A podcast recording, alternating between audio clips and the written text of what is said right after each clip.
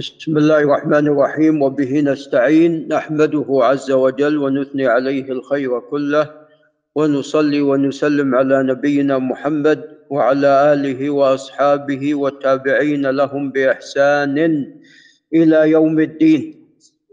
أما بعد فقال المصنف وهو مجد الدين أبو البركات بن تيمية رحمه الله تعالى في كتابه المنتقى من أحاديث الأحكام قال باب أن الأذنين من الرأس وأنهما يمسحان بمائه. هذه هذا التبويب يتضمن بيان حكم الأذنين وأنهما من الرأس بمنزلة العضو الواحد وبالتالي يمسحان مع الرأس. نعم. قال وقد سبق في ذلك حديث ابن عباس رضي الله تعالى عنهما وهو أنه رأى رسول الله صلى الله عليه وسلم يتوضأ يتوضأ فذكر الحديث كله ثلاثا ثلاثا قال ومسح رأسه وأذنيه مسحة واحدة. قال ولابن ماجه من غير وجه عن النبي صلى الله عليه وسلم قال الأذنان من الرأس. وهذا الحديث قد جاء من طرق ولكن جميع هذه الطرق لا يصح منها شيء. قال وعن الصنابح أن النبي صلى الله عليه وسلم قال إذا توضأ العبد المؤمن فتمضمض خرجت الخطايا من فيه وذكر الحديث وفيه فإذا مسح برأسه خرجت الخطايا من رأسه حتى تخرج من أذنيه. فذكر خروج الخطايا من الأذنين عند مسح ماذا؟ عند مسح الرأس. فدل هذا على أن الأذنين من الرأس. ولكن هذا الحديث مرسل. هذا الحديث مرسل وذلك أن الصنابحي على القول الراجح أنه من كبار التابعين وهو أبو عبد الله الصنابحي عبد الرحمن. نعم. وقد ذهب بعض أهل العلم إلى أنه صحابي. نعم. والراجح أنه تابعي من كبار التابعين. وقد ألف ابن الملقن رسالة في ذلك وأسماها الطريقة الواضحة في بيان الصنابحة. الطريقة الواضحة في بيان الصنابحة. لأنه اختلف اختلافا كبيرا في هذا. هل هو صحابي وأن التابع غيره؟ وعندنا واحد ثالث اسمه الصنابح بن الأعشر.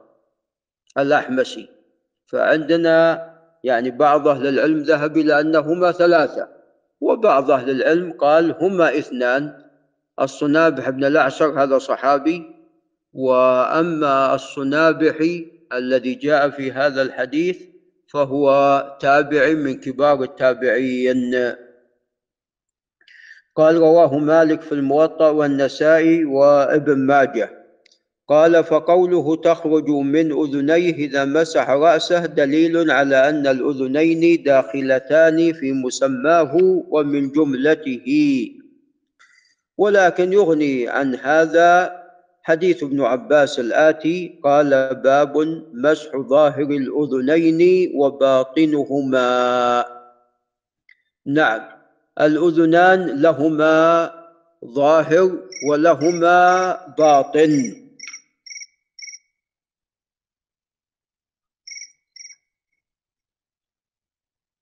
نعم. باطنهما صماخ. الأذنين. نعم. يدخل إصبعيه السبابة إصبعه السبابة اليمين في اليمنى واليسار في اليسرى. نعم. ويمسح بإبهامه ظاهر الأذن. يمسح بإبهامه ظاهر الأذن. فيدخل السبابة في باطن الأذن ويمسح بالسباب بالإبحام عفوا ظاهر الأذن. نعم. قال عن ابن عباس رضي الله عنهما أن النبي صلى الله عليه وسلم مسح برأسه وأذنيه ظاهرهما وباطنهما. رواه الترمذي وصححه وللنسائي مسح برأسه وأذنيه باطنهما بالسباحتين. نعم. وظاهرهما بإبهاميه. وهذا الحديث صحيح وقد صححه أبو عيسى الترمذي. قال باب مسح الصدغين وأنهما من الرأس. والصدغ هو ما بين العين والأذن من الشعر هو هذا. نعم هو هذا. قال عن ربيع بنت معوذ ابن عفراء. وهي صحابية وأبوها صحابي وقد استشهد أبوها رضي الله عنه في إحدى الغزوات لعل في بدر. قالت رأيت رسول الله صلى الله عليه وسلم توضأ فمسح برأسه ومسح ما أقبل منه وما أدبر وصدغيه وأذنيه مرة واحدة. رواه أبو داود والترمذي وقال حديث حسن. وهذا الحديث كما تقدم فيه عبد الله بن محمد بن عقيل وهو لا يحتج به. نعم فيه ضعف. نعم ولكن كما تقدم يعني السنة في مسح الرأس أنك أنك تبدأ من منابت الشعر وترجع إلى المؤخرة ثم ترجع مرة ثانية. تقبل وتدبر. نعم. قال باب مسح العنق. وبعض أهل العلم يذهب إلى مسح العنق في الطهارة ولكن لم يثبت. ذلك لم يثبت عن رسول الله صلى الله عليه وسلم. نعم وعند الشافعية عندهم مسح العنق ولكن هذا لم يثبت. ذهب إليه الشوكاني. نعم ذهب إلى ذلك وقال أن الأحاديث جاءت عدة أحاديث ولكن كلها واهية واهية لا يصح منها شيء. ومنها الذي معنا فمسح العنق لم يثبت. ولذا في حديث عبد الله بن زيد وهو من أصح الأحاديث في صفة الوضوء في الصحيحين ما فيه إن مسح على عنقه. ولا أيضا في حديث عثمان رضي الله عنه.